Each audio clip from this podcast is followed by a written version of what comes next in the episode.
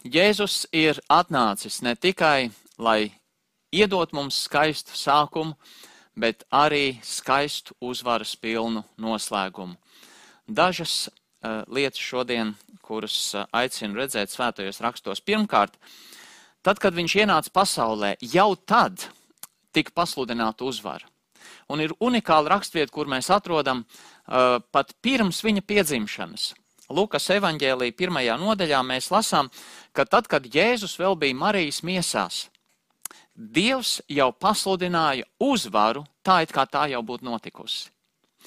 Paskatieties, Lūkas evanģēlī pirmajā nodaļā, lasīsim no 46. panta līdz 55. pantam. Un Marija sacīja, tas ir notikums, kur viņi ir pie Elizabetes aizgājusi ciemos, un viņi ir stāvoklī, un, un viss ir tikai iesācies. Un Marija sacīja, mana dvēsele slavē to kungu, un mans gars gavilē par Dievu man pestītāju, jo viņš ir uzlūkojis savus kalpones zemumu. Redzi, no šī laika visi bērnu bērni man teiks svētīgu, jo varanais lielas lietas pie manis ir darījis, un svēts ir viņa vārds.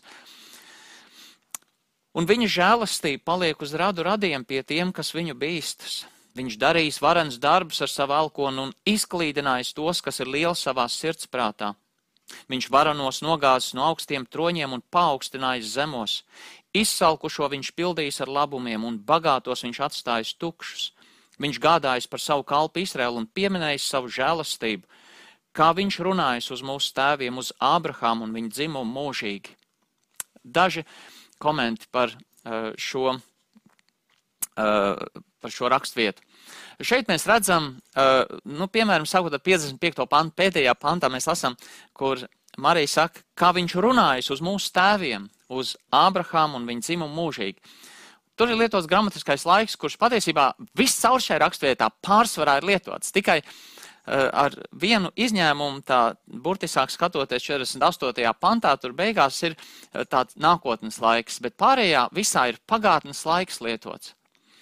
Un uh, tieši tas pats pagātnes laiks, kas ir 55. pantā, kad Dievs ir runājis uz tēviem, un tas jau ir noticis iepriekš, ir tieši tas pats laiks attiecināts uz tiem iepriekšējiem vārdiem. Es neskatīsimies varbūt visus, bet piemēram no 51. panta viņš darīs, viņš to jau ir izdarījis, viņa ir tikko stāvokli. Bet viņš jau ir izdarījis varens darbus ar savu elkonu. Viņš jau ir izklīdinājis Tas ir tas skatījums, kas mums ir jānes, kad Jēzus ienāk pasaulē. Tas jau ir noticis. 52. pants. Viņš varanos nogāzis. Viņi jau ir gāsti. Varbūt viņi to vēl nezina, bet viņi jau ir gāsti. Un zemie ir paaugstināti. Tas jau ir noticis. Izsalkušie ir pildīti, bet bagāti ir atstāti tukši. Viņš ir gādājis par savu kalpu Izraelu. Tas jau ir noticis, un tur ir interesants vārds, kas, kas varētu to tulkot kā, kā vārdu satvert, jeb apkampt. Viņš to ir izdarījis.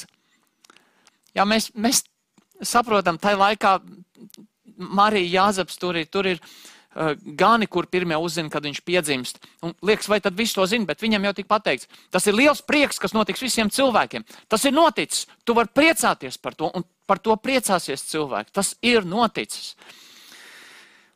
Viņš ir pieminējis žēlastību, tas ir noticis.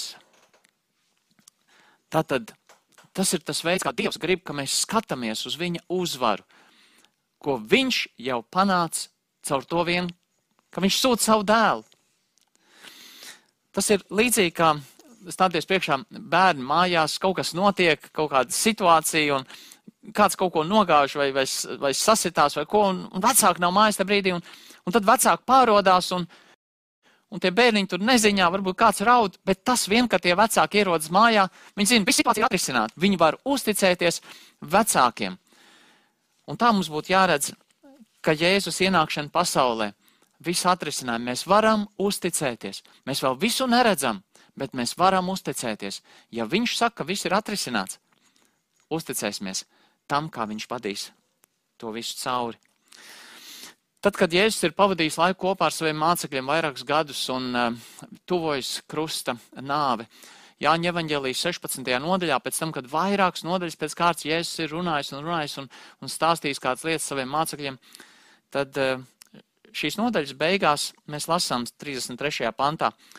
To visu esmu runājis uz jums, lai jums miers būtu manī. Pasaulē jums ir bēdas, bet turiet droši prātu. Es pasauli esmu uzvarējis. Tas ir pirms krusta nāvis, to viņš saka. Es esmu uzvarējis. Evanģēlija ļoti maz atklāja par Jēzus bērnību, par viņa jaunību. Mēs uzzinām kaut ko drusciņu, kā viņš ienāca pasaulē, un, un pavisam nedaudz tur tie notikumi ap to, kas ir saistīti īpaši Mateja evaņģēlijā, Lūks evaņģēlijā, Marku un Jāņa evaņģēlijā, citādāk tas tiek atainots, bet, bet vēl mazāk. Un tad, tad tas lielākais akcents ir uz to, kas notiek, tā teikt, pēdējie tie, tie gadi viņam Jēzum uz zemes, tie aktīvie kalpošanas gadi, kas ved uz krustu. Tā kulminācija ir krusts un augšām celšanās. Un tie notikumi, pamatā visi tie notikumi evaņģēlē ir aprakstīti, lai cilvēks zinātu, ka tas, kurš nomirst pie krusta, nav tikai cilvēks. Tas ir vairāk kā cilvēks. Tas ir pats Dievs, Dieva dēls, Jēzus Kristus. Un tāpēc tas ir arī kā iedrošinājums mums. Viņš ienāca, bet skatieties uz noslēgumu. Viņš ir nācis, lai svinētu uzvaru. Kā tas var būt, ka no paša sākuma mums Jēzus jau ir jāredz kā uzvarētājs? Tāpēc, ka viņš ienāca pasaulē, būdams Dievs, viņš ienāca un, un uh, bija cilvēku formā, ja tā var teikt. Un diezgan burtiski šie vārdi ir rakstīti vēstulē Filipiešiem. Otrajā nodaļā mēs tur lasām 6. un 7. pantā par Jēzu, kas Dieva veidā būdams neturēja par laupījumu līdzināties Dievam, bet sevi iztukšoja, pieņemdams kalpa veidu, tapdams cilvēkiem līdzīgs. 6. un 7. pantā abos eh, ir lietots viens un tas pats vārds - apbrīnojam. Dieva veidā būdams, un tur ir lietots vārds formā. Ja, tā, viņš, viņš ir Dievs pēc būtības. Un 7. pantā viņš sevi iztukšoja, pieņemdams kalpa veidu, jeb formu. Tieši tāpat kā viņš bija pilnīgi Dievs, viņš kļuva pilnīgi cilvēks. Un ir grūti to saprast, kā tas pilnībā varēja notikt. Nevienam no mums nekad tāda pieredze nav bijusi un nebūs. Patiesa Dievs, patiesa cilvēks. Un mēs redzam, viņš turpina saglabāt kādas lietas, kas noteikti nav raksturīgas cilvēkam, kas ir Dievam raksturīgas. Mēs redzam, ka viņš uzmodina mirušos, viņš dziedina slimos, viņš paēdina cilvēku tūkstošus, viņš zina lietas par cilvēkiem, uh, ko neviens cits nevar zināt, kā tikai kāds, kurš var ieskatīties cilvēka pašās dzīvēs, un tas ir Dievs. Un tādas lietas mēs redzam caur un caur evaņģēlijos. Viņš turpina būt Dievs, un, un tomēr viņš ir atstājis kādas lietas, kad cilvēks viņu skatās, viņi nevar pateikt, ka viņš ir Dievs. Un kā kāds mācītājs sacīja, iespējams, ja viņš to nebūtu atstājis, mēs vienkārši nespētu pastāvēt viņu priekšā. Un tas ir tas, ko mēs redzam, tā reakcija, piemēram, Jāņa atklāsmes grāmatā, kad Jā, Jānis jau jēzu redz pēc augšām celšanās debesu godībā, un viņš nokrīt viņu priekšā. Viņš nespēja pastāvēt. Bet te nu viņš ir pasaulē ienācis uzvarošs. Varētu teikt, kas tad ar to nāvi? Tā nāve nāk un, un vai tā viņu pārsteidz, vai viņš vienkārši tai gāja cauri. Tā teikt, nu, būs, būs, nebūs, nebūs. Patiesībā Bībele saka, ka viņa nāve bija Dieva plānā. Tam tā bija jānotiek. Piemēram, mēs redzam apakšļu darbu grāmatas otrajā nodaļā par, par Jēzu. To Dievs pēc savu lēmumu un pārredzes nodevis. Tas bija Dieva lēmums. Dievs to bija saplānojis un jūs viņu ar noziedznieku rokām esat piekaluši pie krusta un nonāvējuši. Tāpat arī apakšu darba 4. nodaļā, kad kristieši kopā lūdz Dievu, lūkšanā viņi saka tādus vārdus, jo patiesi Heirods un Poncijas Pilāts līdz ar pagāniem un Izraēlu ļaudīm šī pilsētā apvienojušies pret tavu svēto kalpu Jēzu, ko tu esi svaidījis, lai darītu to, ko tava roka un tavs padoms iepriekš bija nolēmis, ka tam bija jānotiek. Jā, cilvēki bija ļauni, cilvēki izdarīja savas ļaunās izvēles, un viņi gāja uz to, lai jēzus iznīcinātu. Bet pār visam tas bija Dievs, kas to visu, tā teikt, diriģēja. Dievs to tā bija nolicis, ka tam tā bija jānotiek. tā, tas nebija pārsteigums. Tas nebija kaut kas, kur cilvēki izdomāja, mēs to darīsim, un Dievs teica, nu labi, ja jūs darīsiet tā, tad es darīšu kaut ko citu. Dievs patiesībā bija nolicis, ka viņiem tas ir jādara. Un, uh, un kā tas iet kopā, kad cilvēks nes pilnīgi atbildību par savu grēcīgo rīcību, un vienlaikus viņš piepilda Dieva plānu, to mums kā cilvēkiem ir grūti saprast. Bet Dievs, darīdams lietas, kuras mūsu skatījumā mēs teiktu, tas ir ļauni, tad, kad Dievs to dara, tas nav ļaunums, jo mēs vienkārši nespējam saprast, kā Dievs var tomēr darīt lietas un nebūt grēcīgs. Tas, tas iet pāri mūsu saprašanai, mēs esam tikai cilvēki, bet Viņš ir Dievs. Jāņa evanģēlī desmitajā nodaļā mēs lasām vārdus, ko Jēzus saka, tāpēc tēvs mani mīl, ka es atdodu savu dzīvību, lai es to atkal atgūtu. Es atdodu, lai es to atgūtu, vai ne? Neviens to nav man atņēmis, bet es to atdodu pats no sevis. Man ir vara to atdot un vara to atkal ņemt. Šo uzdevumu es esmu saņēmis no savu tēvu. Kurš cilvēks to varētu pateikt? Neviens. Viņš atnāca, viņš jau no paša sākuma bija uzvarētājs. Viņš ir mūžīgs. Un no mūžības Dievs zināja, ka tam tā būs jānotiek. Jāņa atklāsmes grāmatas 13. nodaļā mēs lasām tādus vārdus par, par zvēru, bet kontekstā es gribu nu, vērst uzmanību uz, uz Kristu. Un to pielūgs viss, kas dzīvo virs zemes, kur vārdi nav rakstīti kopš pasaules radīšanas nokautā jēra dzīvības grāmatā. Tur ir par tiem zvēriem un, un tēlu, un, un, un tas konteksts tāds šausmīgs. Bet kas šeit ir rakstīts par Kristu? Kopš pasaules radīšanas nokautais. Dievs vienmēr zināja, viņš ir jērs, kas mirst par cilvēces grēkiem. Pirms vispār bija radīta šī zeme, pasaule, un, un pirms, Jēzus, pirms cilvēki bija radīti, pirms Jēzus nāca pasaulē. Tas ir tas, ko Dievs jau redzēja un zināja.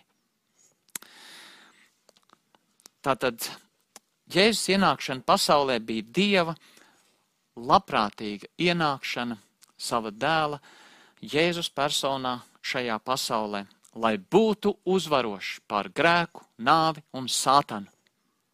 Un Dievs nespēlēja varbūtības spēli. Nu, sūtīšu savu dēlu, un redzēsim, kā notiks, un tad viņam kāda ticēs, un redzēs, kā būs ar viņu ticību. Tad, kad viņš sūta savu dēlu, viņš sūta uzvarētāju. Galatiešiem 4. nodaļā mēs lasām, bet, kad laiks bija piepildījies, tad Dievs sūtīja savu dēlu, dzimušu no sievas nolikt zem bauslības, lai izpirktu tos, pār kuriem valdīja bauslība, ka mēs iegūtu bērnu tiesības. Tad, kad viņš viņu sūtīja, viņš zināja, ko viņš darīs. Tas nebija tā, ka varbūt viņš spēs to darīt, un tad, lai, tad arī nomirst, ja nu izturēs un nesagrēkosies līdz krusta nāvē, līdz tam brīdim, kad viņš nomirst, lai viņš būtu perfektais upuri jērs, kas var samaksāt par mūsu grēkiem. Tā nebija varbūtība. Dievs zināja, ko viņš dara, un zināja, kā tas beigsies. Bet tas nav viss vēl. Tad, kad mēs skatāmies jau tālāk uz savu kristīgo dzīvi, tad tieši tas pats mums ir jāredz par sevi. Ne tikai par Jēzu, ka viņš ienāca tā pasaulē, bet arī par mums, kad mēs uzticam savu dzīvi Kristum. Citiem vārdiem sakot, tas, ko mēs apzīmējam kā pestīšanas piedzīvojumu, jeb glābšanu, tas nav mēģinājums piedzīvot jaunu dzīvi. Kristu šajā dzīvē un varbūt saņemt mūžīgo dzīvību. Tas nav mēģinājums. Tieši tikpat droši, cik Dievs sūtīja savu dēlu, lai viņš uzvarētu. Tieši tikpat droši tiem, kas patiešām uzticās Jēzum Kristum, ir pasludināta uzvara. Es gribu dot dažas raksturvietas arī šeit. Romiešiem 8. nodaļā, 30. pantā mēs lasām, bet kurus viņš iepriekš nolēmis atpestīt, tos viņš arī aicinājis. Un kurus viņš aicinājis, tos viņš arī taisnojis. Un tad nāk tas unikālais noslēgums šeit. Bet kurus viņš taisnojis? Un tik tālu mēs varētu pateikt, nu šeit viss ir runa par to, kas notiek, nu kamēr mēs esam dzīvi, vai ne? Tad atpestīt, uh, kurus viņš nolēms atpestīt, tad viņš aicina, uh, taisno. Bet te ir rakstīts beigās, tos viņš arī pagodinājis. Un tas ir kaut kas, kas būs tikai pēc šīs dzīves. Bet Pāvils saka, ka mēs varam būt par to tik droši. Ja Dievs to visu jau ir paveicis, tad mēs varam būt tik droši, it kā mēs būtu jau pagodinātā stāvoklī. Tas ir tas, kā mums ir jāredz. Dieva darbs sūtot pasaulē savu dēlu Jēzu Kristu. Tas nebija tikai skaists sākums, tā bija uzvara no sākuma līdz beigām cauri katram, kurš uztic savu dzīvi Kristum. Man, tev, visiem, kas viņam uztic savu dzīvi. Ir kristieši, kas saka, tic uz Jēzu Kristu. Nu, kas būs galā, nu to jau vēl tikai redzēsim. To, to neviens nevar zināt. Nu, protams, no vienas puses mēs varam teikt, neviens nevar to zināt. Bet no otras puses, mēs to nevaram pasniegt tikai kā tādu varbūtību. Nu, tic uz Jēzu, tad jau redzēs, kā, kā izies. Ja mēs patiesi uzticam savu dzīvi Jēzum, Dievs saka, es izdarīšu to, ko es apsolīju. Filipiešiem pirmajā nodaļā, sastā pantā mēs lasām, kur Pāvils runā par, par kristiešiem Filipos. Būdams pārliecināts, ka tas, kas jūsu sirdīs labo darbu iesācis, to pabeigs līdz Kristus Jēzus dienai. Kam tad es uzticu savu dzīvi? Vai ne Dievam? Ko, ko tad es ticu par Dievu? Vai ne tam, ka Viņš ir vispēcīgs un uzticīgs tam, ko Viņš ir apsolījis? Un ja es viņam uzticu savu dzīvi ar visu to, kāds ir Dievs, varans, vispēcīgs, mūžīgs, viszinošs un tā tālāk, tad mana glābšana ir atkarīga nevis no manas spējas viņam uzticēties, bet no viņa spēka, kuram es sev uzticu. Savā ziņā patiesa ticība Kristum, tā, tā ir tā kā tā monēta, kur otrā pusē rakstīts pilnīgi bezspēcība. Es viņam uzticos, jo es nevaru sev glābt. Un tas mums ir jāņem vērā. Jo tā īsti un patiesi mēs varētu teikt tikai tas cilvēks, kurš redz viņu kā vienīgo glābēju, tiek glābts. Tas ir saskaņā ar visu Bībeles mācību, ne tikai jaunā darbā, bet vecā darbā. Mēs atkal un atkal un atkal vecā darbā redzam šo mācību, ka, ka Izraēla tauta novērsās no dzīvā dieva, pielūdza elkus, un kas notika? Dievu tas nemaz neiepriecināja. Un, un Dievs savā mīlestībā, lai viņus glābtu, viņš viņiem sūtīja pārbaudījumus, viņš sūtīja sodu vai ne viņiem par to. Tur citi uzbruka viņiem un pavērdzināja viņus, izkalpināja. Un tad viņi saprata, mēs esam grēkojuši, Dievs nāca palīgā. Dievs grib būt vienīgais glābējs, un ja viņš tev ir vienīgais glābējs, tad viņš patiešām ir šī vārda nozīmē tavs glābējs dažas raksturvietas no vecās derības. Nu, piemēram, pirmajā laiku grāmatā, 16. nodaļā, mēs lasām, kur Dāvids runā par um, Izraēlu uh, tautas sākumu savā dziesmā, kad cilvēki vēl bija pavisam maz, ko viņš saka par Dievu. Bet viņš nepiekāpās nevienu priekšā, kas viņus apspieda, un viņu dēļ viņš pat pārmācīja ķēniņus nepieskarieties maniem svaidītiem un nenodariet ļaunu maniem praviešiem. Dievs vienmēr ir gribējis, ka viņš ir tikai un vienīgi centrā, un kad viņš ir mūsu centrā, viņš saka visiem citiem, neskarieties viņiem klāt. 81. psalms ir laba ilustrācija tam, kas notiek, kad uh, ticīgs cilvēks, toreiz Izraēla tauta, novērsās no dzīvā Dieva. Palasīsim dažus pants no 9. panta sākot. Klausies man tauta, lai es tevi brīdinātu, Izraēl, kaut tu mani uzklausītu. Cita dieva tev nedrīkst būt, tev nebūs pielūgts svešus dievus. Ja? Dzirdat šeit uh, jau bauslība tajā? Pirmais, otrais bauslis, uh, ka tikai viens dievs un cits nebūs, nebūs turēt uh, savā priekšā. Es esmu tas kungs tavs dievs, kas tevi izvedis no Ēģiptes zemes atplec savu muti, lai es to piepildu. Bet mana tauta neklausīja manu balsi, Īsraels mani negribēja. Tad es viņus pametu viņas cietsirdībā, lai viņi staigā pēc savu prātu. Kaut jau man tauta klausītu mani, kaut jau Izraels staigātu manos ceļos, acu mirklī es pazemot viņu ienaidnieks un pret viņu pretiniekiem es izstieptu savu roku. Tas ir tas, kā Dievs mīl savus ļaudis. Ja mēs novēršamies, Viņš savā mīlestībā sūta pārbaudījumus un pārmācības mums, lai mūs atgūtu. Viņš saka, kaut, kaut, tu, atg kaut, kaut tu atgrieztos. Acu mirklī es visu izdarītu, un tu būtu atkal mans svētības uh, objekts? Tāds ir Dievs pret saviem ļaudīm. Un, un uz ko tad balstās šī, šī visa garantētā jaunā dzīve un dzīvība šeit un mūžībā? Tā nebalstās uz mūsu spējām, tā balstās uz Kristu. Skaisti vārdi no Jāņa Evanģēlī 11. nodaļas, kur ir notikums, kur Jēzus iet uzmodināt mirušo draugu Lācaru, kurš bija nomiris. Un sarunā ar vienu no Lācara māsām Martu Jēzus saka tādus vārdus: Es esmu augšām celšanās un dzīvība. Viņš to saka pirms viņš pats gāja nāvē un augšām cēlās.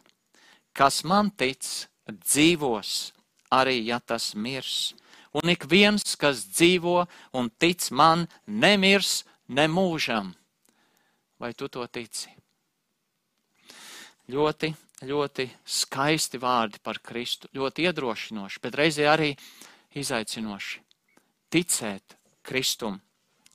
Un tāpēc šeit ir ļoti svarīgi domāt par nākošo lietu kur mēs varam dzīvot ar drošību, un arī kas, kas ir tas nepieciešamais, lai dzīvot ar šo drošību, ticīgs cilvēks. Proti, kad mēs ikdienā meklējam garīgi pieaugt un kļūt stipri, mums ir jāsaprot, Kristū mums ir pasludināta uzvara. Nevis ārpus viņa, bet Kristū. Katram kristietim, kuram garīgi ir jāpieaug. Otrā Pētera vēstule, pirmā nodaļa. Mums jau viņa dievišķais spēks ir dāvinājis visu, kas vajadzīgs dzīvībai un dievbijībai, tā atziņā, jeb tā pazīšanā, kas mūs ir aicinājis ar savu godību un spēku. Ar to viņš mums ir dāvinājis ļoti liels un dārgs apsolījums. Svētie raksti, lai jums ar tiem būtu daļa pie dievišķas dabas. Jums, kas esat izbēguši no tā posta, kas kārība dēļ ir pasaulē. Viss mums ir dots Mums ir dots Kristus, un viņa dēļ dots viss, kas nepieciešams dzīvībai un dievbijībai. Viņa vārda dēļ viss, kas nepieciešams, lai mēs varētu augt garīgi. Viss ir dots. Tikai mums ir ticībā uz Kristu jādzīvo un tas jāņem. Kristu tas ir dots. Tas nav ārpus Kristus. Tas nav vienkārši jebkas kristietībā, ko mēs tagad teiksim, o, oh, es tagad kļūstu par kristieti un, o, oh, kāda pasaule man paveras vai ne. Un, un tad ir, teiksim, ticība, jēzuma, dievvvārdu lasīšana, lūkšana dzīve, dievkalpojumi, kristīgas aktivitātes, tāda un tāda pasākuma, tas un tas, tas un tas, tas un tas, tas un tas. Simtiem lietu. Bet tajā visā Kādam ir jābūt centrā, kurš patiesībā ir pāri visam, kurš to visu dara, kurš to visu nodrošina? Tas ir Kristus un tas ir Dieva vārds. Un mums tas ir jāņem vērā. Tā unikalitāte. Un tad, kad mēs to ņemam vērā, Dieva vārds saka, tev viss ir iedots. Un ir droši, ka tu tiks līdz galam. Sātans, protams, cenšas traucēt. Viņš cenšas traucēt, un Bībele ļoti skaidri runā par to, ka Sātans cenšas pievilt arī kristiešus, bet ko tad raksts saka?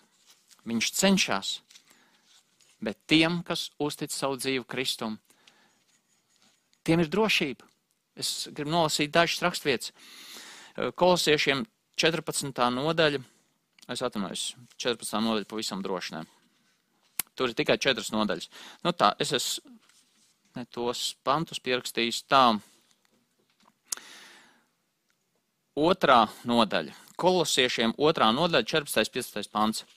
Viņš izdeldējis pret mums vērsto parādu rakstu ar visām tā prasībām un paņēmis to no mūsu vidus, pienaglodams pie krusta. Tad viss, kas, visi grēki, viss, ko pret mums varētu vērst un pateikt, vai ne, Dievu priekšā teikt, re, re, re, tas ir tas, ko Mārtiņš ir izdarījis, vai ne? Jebkurš kristietis. Tas viss ir pienaklots pie krusta. Tā viņš atbruņojas visas pretvaras, tās atklāti kaunā likdams un Kristu uzvaru svinēdams pār viņām. Viss. Sātans ir atbruņots.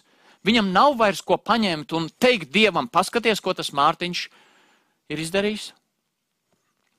Līdzīgs vārds atrodam atklāsmes grāmatas uh, 12. nodaļā lielais puķis, vecā čūska, to sauc par velnu un sātanu, kas pieviļ visu pasauli, tapa gāsts.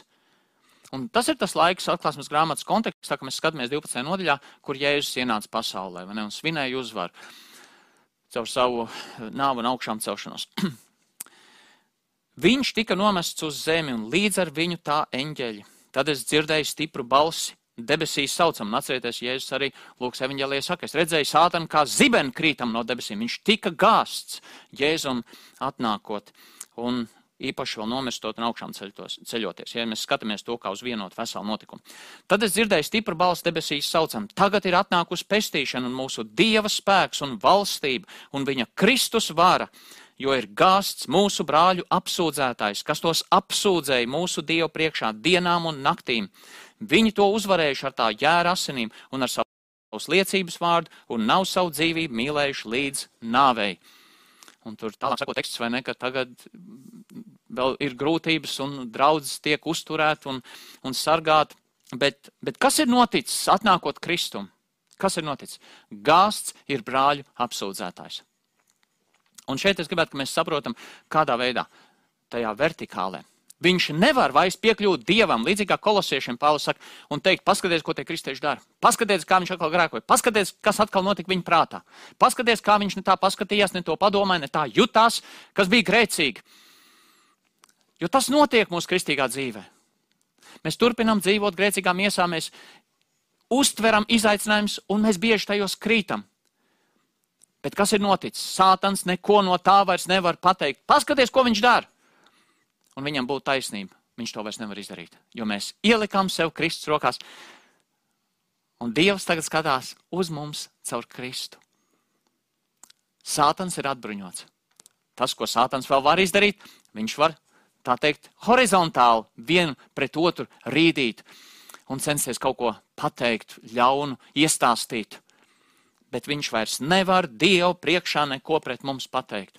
Un tad, kad mēs skatāmies vecā darbā, atkal un atkal parādās tas, kur Dievs aicina Izraēlu tautu, uzticieties man, tā ir mana kauja, tās ir manas cīņas, un es esmu tas, kas tās vedīs jūsu vietā. Un, un tas ir tas, kas mums ir jaunā darbā jāredz. Kristus personā attiecībā īpaši uz sātanu un visām mūsu cīņām. Kristus tās ved mūsu vietā. Mums tikai ir jāpaļaujas uz viņu, mums ir jādzīvo ticībā. Otrajā vēstulē Tesloniķiešiem, trešajā nodaļā mēs lasām tādus vārdus. Tas kungs ir uzticams, viņš jūs darīs stiprus un pasargās no ļauna. Nu, precīzāk, manuprāt, būtu tulkot un pasargās no ļaunā, jo oriģinālā ir lietots artikuls, kas nozīmē, ka, ka šeit to varētu uh, personificēt šo ļaunumu. Uh, Un līdzīgi tas ir arī, piemēram, lūkšanā mūsu tēvs debesīs, ne, kur ir pasargā, neieved mūsu kārdināšanu, bet pasargā mūs no ļauna. Arī tur ir artikuls, kas nozīmē no ļaunā, ne, un arī eh, tāpat Jēzus augstpriestriskā lūkšana, Jāņa Evanģelī 17. nodaļa ar artikulu. Eh, tā kā, un tas ir tas, ko Dievs ir apsolījis darīt. Pasargāt mūs no sātana. Pasaulē būs bēdas, pasaulē būs grūtības. Bet no sātana viņš mūs sargās. Tas kungs ir uzticams. Viņš būs arī stiprs un pasargās no ļaunā. Un tas, kas mums ir jādzīvo, mums ir jādzīvo ticībā. Un dzīvošana ticībā ir daudzās vietās, iespējams, ja mēs tā uzmanīgi lasām, mēs saskatītu to dažādās vietās, jaunā derībā. Dzīvot ticībā uz Jēzu, tici viņam, Tici viņam, tu neesi pietiekoši labs, lai savu labumu varētu pienest Dievu priekšā un teikt, Dievs, oh, es centos, liekas, ka drusku izdevās un drusku izgāzos. Labāk nesāc. Dievs redz to, kur mēs izgāžamies, un viņa priekšā mēs nevaram neko ietekmēt. To es redzu, izdarīju trīs sliktas lietas un uh, piecas labas lietas, tad jau bišķi vairāk labo nekā slikto. Nedara tādu matemātiku Dievam. Tikko mēs izdarām kaut ko sliktu, mēs esam izgājušies pilnīgi un galīgi un nevaram nākt viņa priekšā un viņa tuvumā.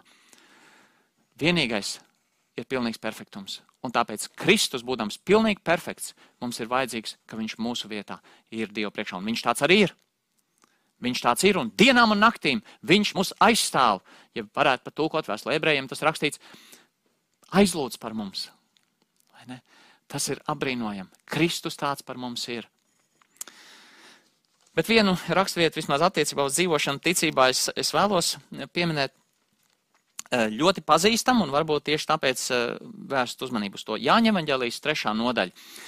No 16. līdz 18. pantam. Jo tik ļoti, jeb tā, Dievs pasauli mīlējis, ka viņš devis savu vienpiedzimušo dēlu, lai neviens, kas viņam tic, nepazustu, bet dabūtu mūžīgo dzīvību. Es gribu pievērst uzmanību vārdiem ik viens, jeb neviens, kas viņam tic. Tur lietots tagadnes divdabs, kas ir ticošs, kas dzīvo ticībā. Ne tikai kas, lai neviens, kas viņam kādreiz uzticējās, pat tik viens, kas tic, kas ir ticošs. Kas tic, lai tas nepazūd, bet dabūt mūžīgo dzīvību, jo Dievs savu dēlu nav sūtījis pasaulē, lai tas pasauli tiesātu, bet lai pasauli caur viņu tiktu glābta. Es nevaru atturēties nepateikt jums personīgi. Man šis pants ļoti uzrunāja 24. Eh, datumā, kad man bija jādomā to, kas notiek dažādās baznīcās Latvijā. Jo grieķu valodā 17. pantā šeit sacīts, lai tas pasauli tiesātu, var tiesātu, eh, var tulkot arī kā šķirotu.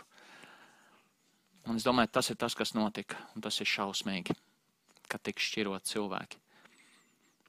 Jēzus nešķiroja. Jēzus mīl visus. Jo Dievs savu dēlu nav tā, sūtījis pasaulē, lai pasauli tiesātu, bet lai pasauli caur viņu tik glābt, kas tic viņam. Un šeit ir atkal tā pati, tā pati frāze, tas pats, kas 18. Um, pantā, kas ir ticoši viņam.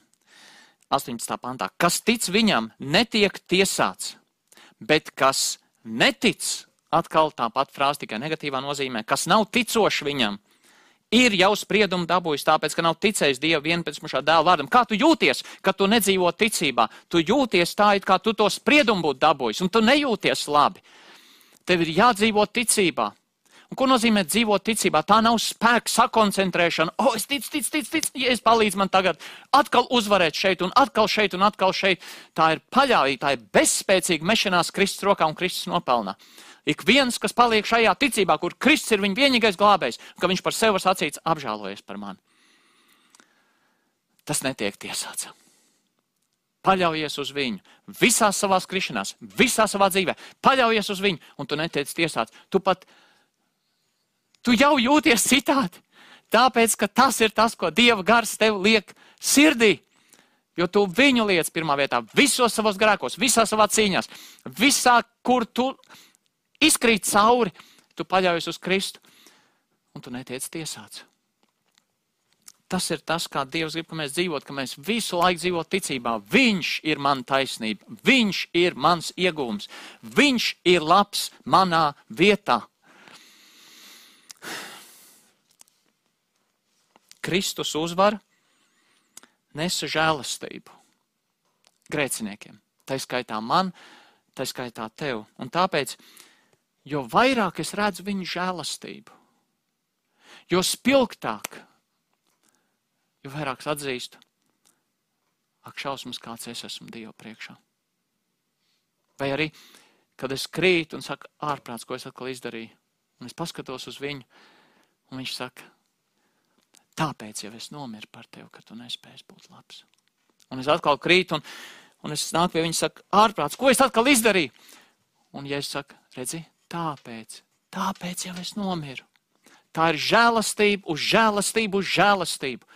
Un vienlaikus es redzu viņa lielumu un, un ar vien vairāk redzu savu grēcīgumu. Tas ir tas, kā kristīgā dzīvē tam vajadzētu notikt. Un tam ir jāvelk mani tuvāk viņam. Būt atkarīgam tikai no viņa, jo man nav cits iespējas. Mēs redzam to, piemēram, apakstuļu Pāvila dzīvē. Jo vecāks viņš kļuva, jo vairāk viņš apzinājās savu grēcīgumu. Kādreiz cilvēki, kur teiks, varbūt nekad nesauc sevi par grēcinieku. Bet tas ir tas, ko Pāvils dara svētajos rakstos. Viņš, viņš sākotnēji vai ne, viņš raksta uh, pirmo korintiešiem, tur uh, 15. nodaļu, vai ne, viņš ir mazākais no visiem apustuļiem. Un tā, kad viņš raksta vēstuli efeziešiem dažus gadus vēlāk, viņš saka, viņš ir tomēr sliktākais no visiem ticīgiem, no visiem svētajiem. Un tā, kā viņš vēl, vēlāk raksta vēstuli Timotejam, viņš saka, ka viņš ir vissliktākais no visiem pasaules grēciniekiem. Kāpēc? Tāpēc, ka viņš ar vien vairāk redzēja Kristus lielumu, Kristus godību. Jo mēs vairāk redzam Kristu, jo mēs vairāk redzam, cik mēs esam nespējīgi. Tas ir normāli. Tas ir normāli kristietim. Un mums ir jāaugst, augt tajā, jo mēs ar vien vairāk redzam Kristu un viņa žēlastību pār mums. Un šī milzīgā, milzīgā Dieva mīlestība dod drošību mums. Kad mēs ejam šajos virzienos, viņa lieluma ieraudzīšanā un savu grēcīgumu novērtēšanā. Tieši tā dod drošību mums. Un, kad mēs skatāmies, piemēram, romiešiem 8. nodaļā, no 37. līdz 39. pantam, Pāvils tur pirms tam ir runājis par to, ka nekas mūs nevar šķirt no Dieva mīlestības. Un, un tad no 37. panta viņš saka, nē, visā šīs lietās mēs pār pārim paliekam uzvarētāji, tā spēkā, kas mūs mīlēs. Un šeit tajā frāzē, kur rakstīts, mēs pār pārim paliekam uzvarētāji, oriģināli ir tikai viens vārds, vienreiz lietots jaunajā derībā, un tas ir šeit. Tas nozīmē būt vairāk kā uzvarētājiem vairāk kā uzvarētājiem. Vienalga, Napoleons kaut kur uzvarēja. Mēs esam vairāk. Cēzars, imperators vai ne, senajā Romā, mēs esam vairāk. Vēl kāds kaut ko pasaules vēsturē uzvarējuši. Mēs esam vairāk nekā šie uzvarētāji. Tas ir tas, ko Bībele saka. Par mums, ne tikai par Kristu, kurš atnāca kā uzvarētājs, par mums, ja mēs uzticamies viņam, mēs esam vairāk kā uzvarētāji. Tāpēc es esmu pārliecināts, ka ne nāve, ne dzīvība, ne eņģeļi, ne varas, ne lietas esošās, ne nākamās, ne spēki, ne augstuma, ne dziļuma, ne cita kāda radīta lieta mūs nevarēs šķirt no Dieva mīlestības, kas atklājusies Kristu Jēzu mūsu kungā. Un ko tas nozīmē? Tas nozīmē, man vairs nav jāmēra tas, cik slikts tad es esmu. Es esmu slikts. Un es to nevaru izmērīt, un es to nevaru beigt izmērīt man ir jāuzlūko Kristus godība. Un jo es vairāk redzu viņa lielumu, meklējams viņu no visas, jo vairāk es redzu savu grēcīgumu. No viņa žēlastības un viņa godības gaismā. Un šeit var notikt tā kļūda, ja cilvēks vairāk rokas sevī, sevī, sevī, sevī, un tad alternatīva, nu, bet tagad redzi, redz, kāds esi, tagad tev ir Kristus vajadzīgs. Tās lietas nav divas lietas, tā ir viena vesela. Jo vairāk es redzu Dievu, jo vairāk savu grēcīgumu. Vai arī meklējot Dievu otrādi, jo vairāk redzu, cik es esmu grēcīgs un uzlūkoju Dievu žēlastību, jo lielāks viņš manās acīs un novērtējumā kļūst. Tā, tas ir viens vesels, un tas ir tas glābjošais tajā visā priekš mums, Dieva bērniem. Tas ir tas brīnums, tā ir tā pieaugšana. Man nav jāsāk mērīt, neskaitīt, vēl viens redz, ko es redzu, ko es redzu. To nevar izmērīt. Viņa žēlastība ir jāuzlūko, lai mēs spētu vispār pastāvēt. Un vienmēr uzlūkojot viņu, es arī spēju iet šo aizliekšanās, šo pazemošanās ceļu. Tikai tad, kad es redzu viņa lielumu un to, cik nepelnīts esmu izglābts. Gribu noslēgt ar raksturvietu no 1. korintiešiem 15. nodaļas, kur eh, pirms tam Pāvils runājas par Kristus atkal atnākšanu, un pavisam nesen par to ir domāts. Un šeit Pāvils saka tādus skaistus vārdus, un kad šis iznīcīgais apvilks neiznīcību, un šis mirstīgais apvilks nemirstību, un runa ir par mums, tad piepildīsies tas vārds, kas rakstīts: Nāve ir aprīta uzvarā. Kur nāve tavu uzvar, kur nāve tavs dzelonis? Nāves dzelonis ir grēks, bet grēka spēks ir bauslība. Bet paldies Dievam, kas mums devis uzvaru caur mūsu kungu Jēzu Kristu. Redzat, kā kopā šeit salikts. Nāve gribētu kaut ko darīt. Jā, un viņai ir dzelonis, un tā ir bauslība, tas ir likums. Bet Pāvils saka, paldies Dievam, mums ir uzvara caur mūsu kungu Jēzu Kristu. Tā ir mūsu vienīgā cerība. Tātad Kristus dzimšanas svētki nav tikai skaists sākums. Kristus piedzimšana ir svētki, kuros apsolīts skaists, uzvaras pilns noslēgums. Tas ir tas, kas ir šie svētki. Ziemassvētki, Kristus dzimšanas svētki. Un mums ir jāsvin ne tikai sākums, mēs varam svinēt drosmīgi arī grandiozi svētku noskaņas pilnu nobeigumu. Kristietība nav uh, varbūtēji ticība. Tas nav varbūt izdosies, varbūt nē. Tas nav par cīņu, ko varbūt es uzveikšu. Ja kaut ko tādu es redzu kristietībā, tad tas nav Kristus, kuram es patiesi ticu, jo es ticu uzvarētājam. Un viņš saka, ja es viņam uzticos, viņa uzvara ir mana uzvara. Un tā lielākā cīņa mūsu kristietībā ir tieši par šo dzīvošanu uzvarā, kas reizē ir savas bezspēcības atzīšana un pilnīga paļaušanās uz viņu. Es neko nevaru uzvarēt, ko Kristus jau nebūtu uzvarējis. Es nevaru uzveikt nevienu grēku, par kuru Kristus jau nebūtu nomiris. Viņa uzvara ir mana vienīgā uzvara. Un tāpēc, lai Dievs svētī mūs, ka mēs dzīvotu ticībā. Āmen.